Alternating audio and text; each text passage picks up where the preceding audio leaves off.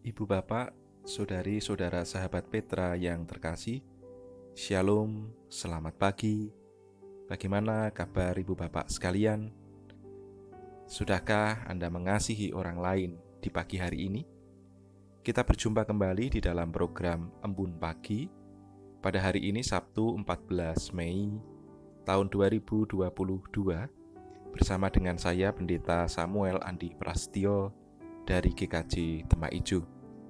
Sebelum kita bersama-sama memulai hari, karya, pelayanan, dan aktivitas kita di hari ini, kita akan bersama-sama mendengar dan merenungkan bagian dari sabda Tuhan yang menjadi dasar bagi kita untuk menjalani karya dan aktivitas serta pelayanan kita.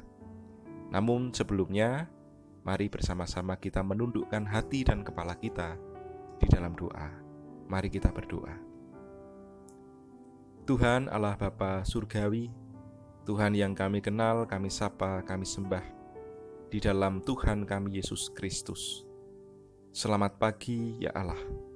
Kami menghampiri tahtamu yang suci dan kudus, mengucapkan syukur atas segala kebaikan dan kemurahan yang senantiasa Tuhan nyatakan, Tuhan limpahkan dalam kehidupan kami. Terima kasih karena Tuhan telah memberkati dan juga menjagai kami di dalam kami beristirahat semalam dan membangunkan kami di pagi yang cerah di pagi yang indah, di pagi yang sejuk ini, dalam keadaan sehat karena kasih dan pertolongan Tuhan. Kami mengucap syukur atas segala berkat-Mu itu, dan kami mengucap syukur atas segala kasih dan penyertaan yang sempurna yang Tuhan nyatakan bagi kami. Pagi hari ini Tuhan, kami akan bersama-sama memulai karya pelayanan dan aktivitas kami. Dan kami akan mendasarinya dengan bersama-sama mendengar dan merenungkan sabda Tuhan. Oleh karena itu kiranya kuasa rohmu yang kudus berkarya, memampukan kami agar kami dimampukan untuk dapat mengerti dan memahami sabdamu, dimampukan untuk dapat merenung-renungkannya, dan dimampukan untuk dapat melakukan dalam hidup sehari-hari. Sehingga Tuhan di tengah berbagai pergumulan, dan dinamika kehidupan kami. Sabdamu ini boleh menjadi penuntun, pelita, terang bagi hidup dan jalan kami. Hambamu kiranya Tuhan yang melayakkan, singgahnya berkata seturut dengan kehendakmu saja. Bersabdalah Tuhan, kami siap untuk mendengar, demi Kristus kami berdoa. Amin. Ibu, Bapak, Saudari-saudara sahabat Petra yang terkasih, bagian dari sabda Tuhan pada pagi hari ini terambil dari surat Rasul Paulus kepada jemaat di Efesus pasalnya yang keempat ayat 11 dan 12 surat Efesus pasal 4 ayat 11 dan 12 yang demikian sabda Tuhan. Dan ialah yang memberikan baik rasul-rasul maupun nabi-nabi baik pemberita-pemberita Injil maupun gembala-gembala dan pengajar-pengajar untuk memperlengkapi orang-orang kudus bagi pekerjaan pelayanan bagi pembangunan tubuh Kristus. Demikianlah sabda Tuhan yang berbahagia. Ialah setiap kita yang dengan setia mendengar, memelihara dan berjuang melakukan sabda Tuhan dalam kehidupan sehari-hari Haleluya. Amin. Ibu bapak, saudari, saudara, sahabat Petra yang terkasih, tentu kita tidak asing dengan semboyan bangsa kita. Bersatu kita teguh, bercerai kita runtuh. Kenapa ada semboyan itu? Kenapa semboyan itu kemudian begitu mengena dalam konteks keindonesiaan? Semboyan itu dislogankan atau disemboyankan oleh bapak-bapak pendiri bangsa kita yang pada waktu itu mengusir penjajah. Tapi juga sekaligus ada persoalan dalam internal kehidupan berbangsa dan bernegara. Salah satunya adalah karena kemajemukan karena heterogennya bangsa kita, bangsa Indonesia. Bangsa kita terdiri dari berbagai suku bangsa, bahasa, dan agama terbentang dari Sabang sampai Merauke. Di sana ada ratusan suku bangsa, ratusan bahasa yang kemudian harus disatukan dalam bingkai NKRI yang mengusir penjajah dan menjadi negara yang merdeka. Oleh karena itu, di tengah kemajemukan yang menjadi kekayaan, tapi juga sekaligus menjadi tantangan, maka ada slogan bersatu kita teguh, bercerai kita runtuh meskipun kita berbeda-beda latar belakang dan lain sebagainya. Tetapi jika kita menyatukan tekad, menyatukan bulat untuk bersatu, maka kita akan teguh menghadapi penjajah, mengusir penjajah, dan teguh berdiri sebagai sebuah bangsa yang berdikari. Namun, jika kita kemudian bercerai-berai, mementingkan diri sendiri, mementingkan kepentingan golongan, maka kita akan runtuh, kita akan mudah goyah, dan kita akan mudah dihancurkan. Oleh karena itu, bapak-bapak pendiri bangsa kita kemudian menslogankan bersatu kita teguh, bercerai kita runtuh, agar meskipun kita dari berbagai latar belakang yang ada, kita tetap ada kesatuan, satu tanah air, satu bahasa, satu bangsa, Indonesia. Nah, Bapak Ibu, saudari-saudara, sahabat Petra yang terkasih, bacaan kita nampak-nampaknya juga berdimensi yang demikian. Dalam surat penggembalaannya kepada jemaat di kota Efesus, Paulus mengingatkan kepada jemaat di kota Efesus agar memelihara kesatuan jemaat di tengah karunia-karunia yang berbeda. Allah telah mengaruniakan karunia-karunia atau talenta kepada setiap umatnya dan karunia-karunia itu berbeda. Namun demikian di tengah keberbedaan itu menjadi kekayaan yang menyatukan, melengkapi, saling mengisi satu dengan yang lain.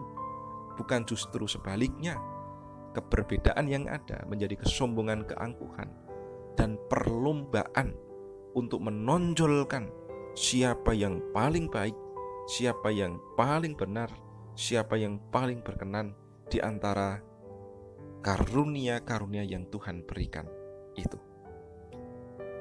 Rasul Paulus mengingatkan, meskipun ada berbagai perbedaan, meskipun ada berbagai macam karunia, tapi semua itu tidak menjadikan jemaat di kota Efesus menjadi jemaat yang lebih menyombongkan diri, menganggukkan diri dan pada akhirnya tercerai-berai.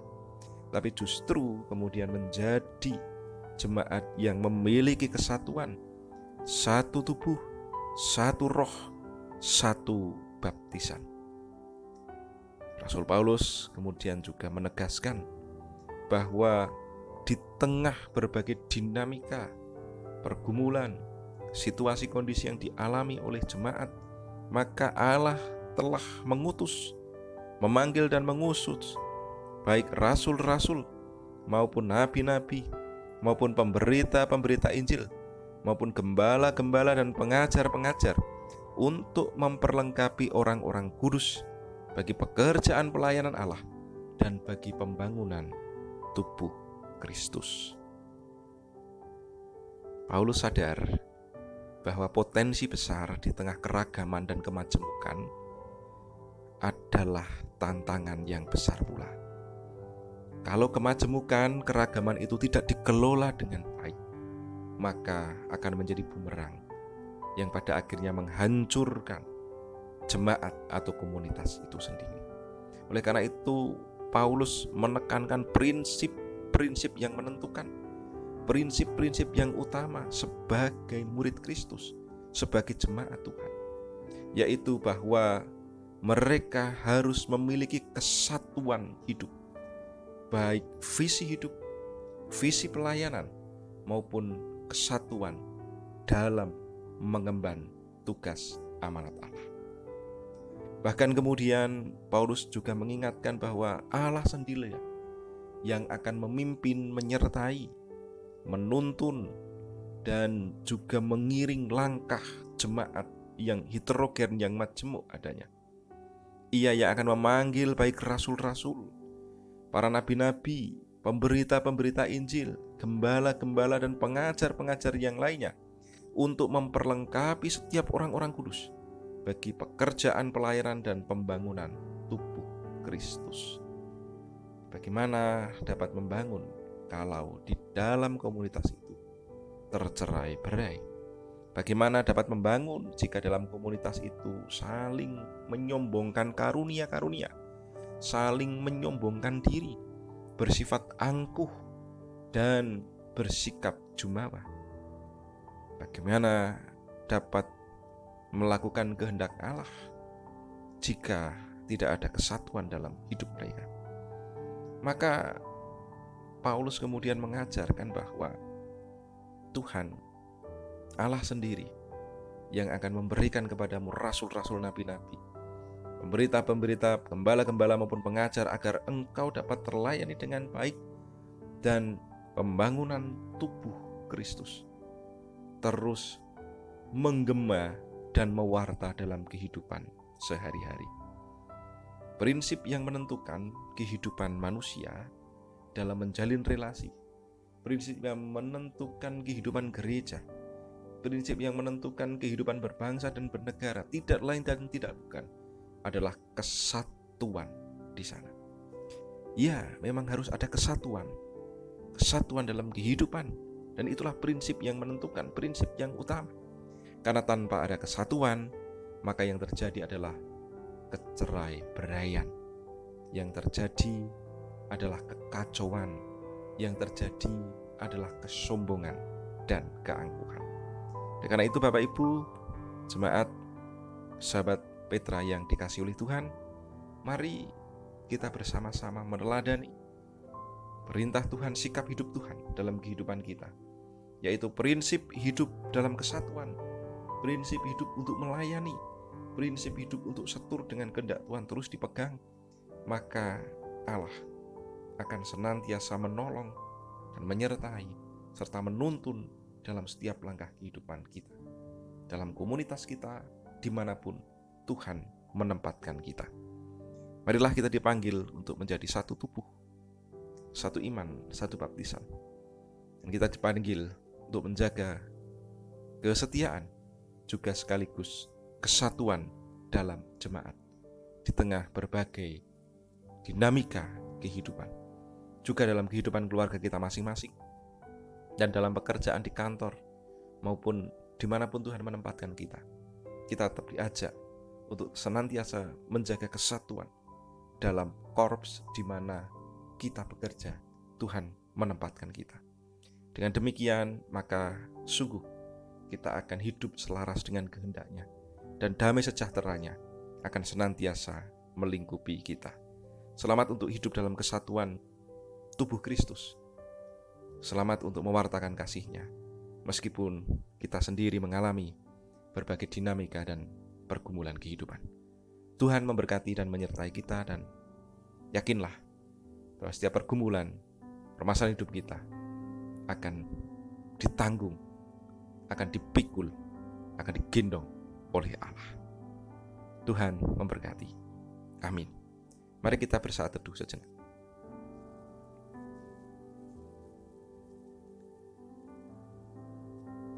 Saat teduh cukup, mari kita berdoa. Ya Tuhan, terima kasih untuk taburan sabdamu pada pagi hari ini yang mengajarkan kami prinsip yang menentukan kehidupan. Tidak lain dan tidak bukan engkau mengajarkan tentang kesatuan hidup kesatuan visi, kesatuan karya pelayanan dalam kehidupan kami sehari-hari. Oleh karena itu Tuhan mampukanlah kami untuk memiliki kesatuan hidup, tidak membeda-bedakan dan tidak hidup dalam kesombongan dan keangkuhan pribadi.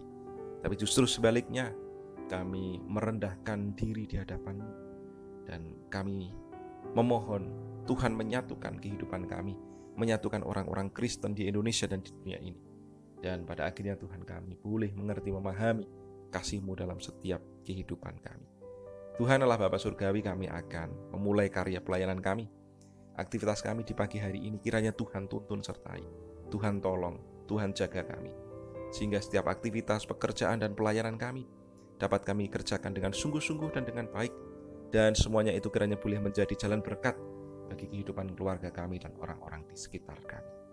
Berkatilah Tuhan, berkatilah kami semua, juga anak-anak kami yang di hari-hari ini, di minggu ini berjuang untuk menghadapi ujian ASPD, ujian memasuki bangku sekolah di jenjang yang lebih tinggi dan ujian-ujian yang lainnya. Tuhan memberikan kesehatan, kekuatan, Tuhan memberikan semangat, Tuhan memberikan kepandaian dan kemampuan bagi anak-anak kami untuk terus beruang, berjuang, meraih masa depan mereka. Kami sandarkan Tuhan kehidupan mereka dalam cinta kasih-Mu, dan kami percaya bahwa penyertaan Tuhan akan senantiasa sempurna dalam hidup kami. Demikian Tuhan doa syukur dan sahabat kami. Ampunilah atas segala dosa dan kesalahan kami. Di dalam nama Tuhan Yesus kami berdoa. Amin. Demikian Bapak Ibu, embun pagi pada edisi Sabtu 14 Mei tahun 2022 pada saat ini dan semoga kita senantiasa memegang prinsip-prinsip iman Kristen yang menentukan kita memegang kesetiaan kita memegang kesatuan hidup di mana pun Tuhan menempatkan kita baik di tengah kehidupan keluarga, gereja masyarakat maupun di tengah-tengah pekerjaan kita masing-masing. Selamat untuk berkarya, salam sehat untuk kita semua, dan Tuhan senantiasa memberkati dan menyertai. Amin.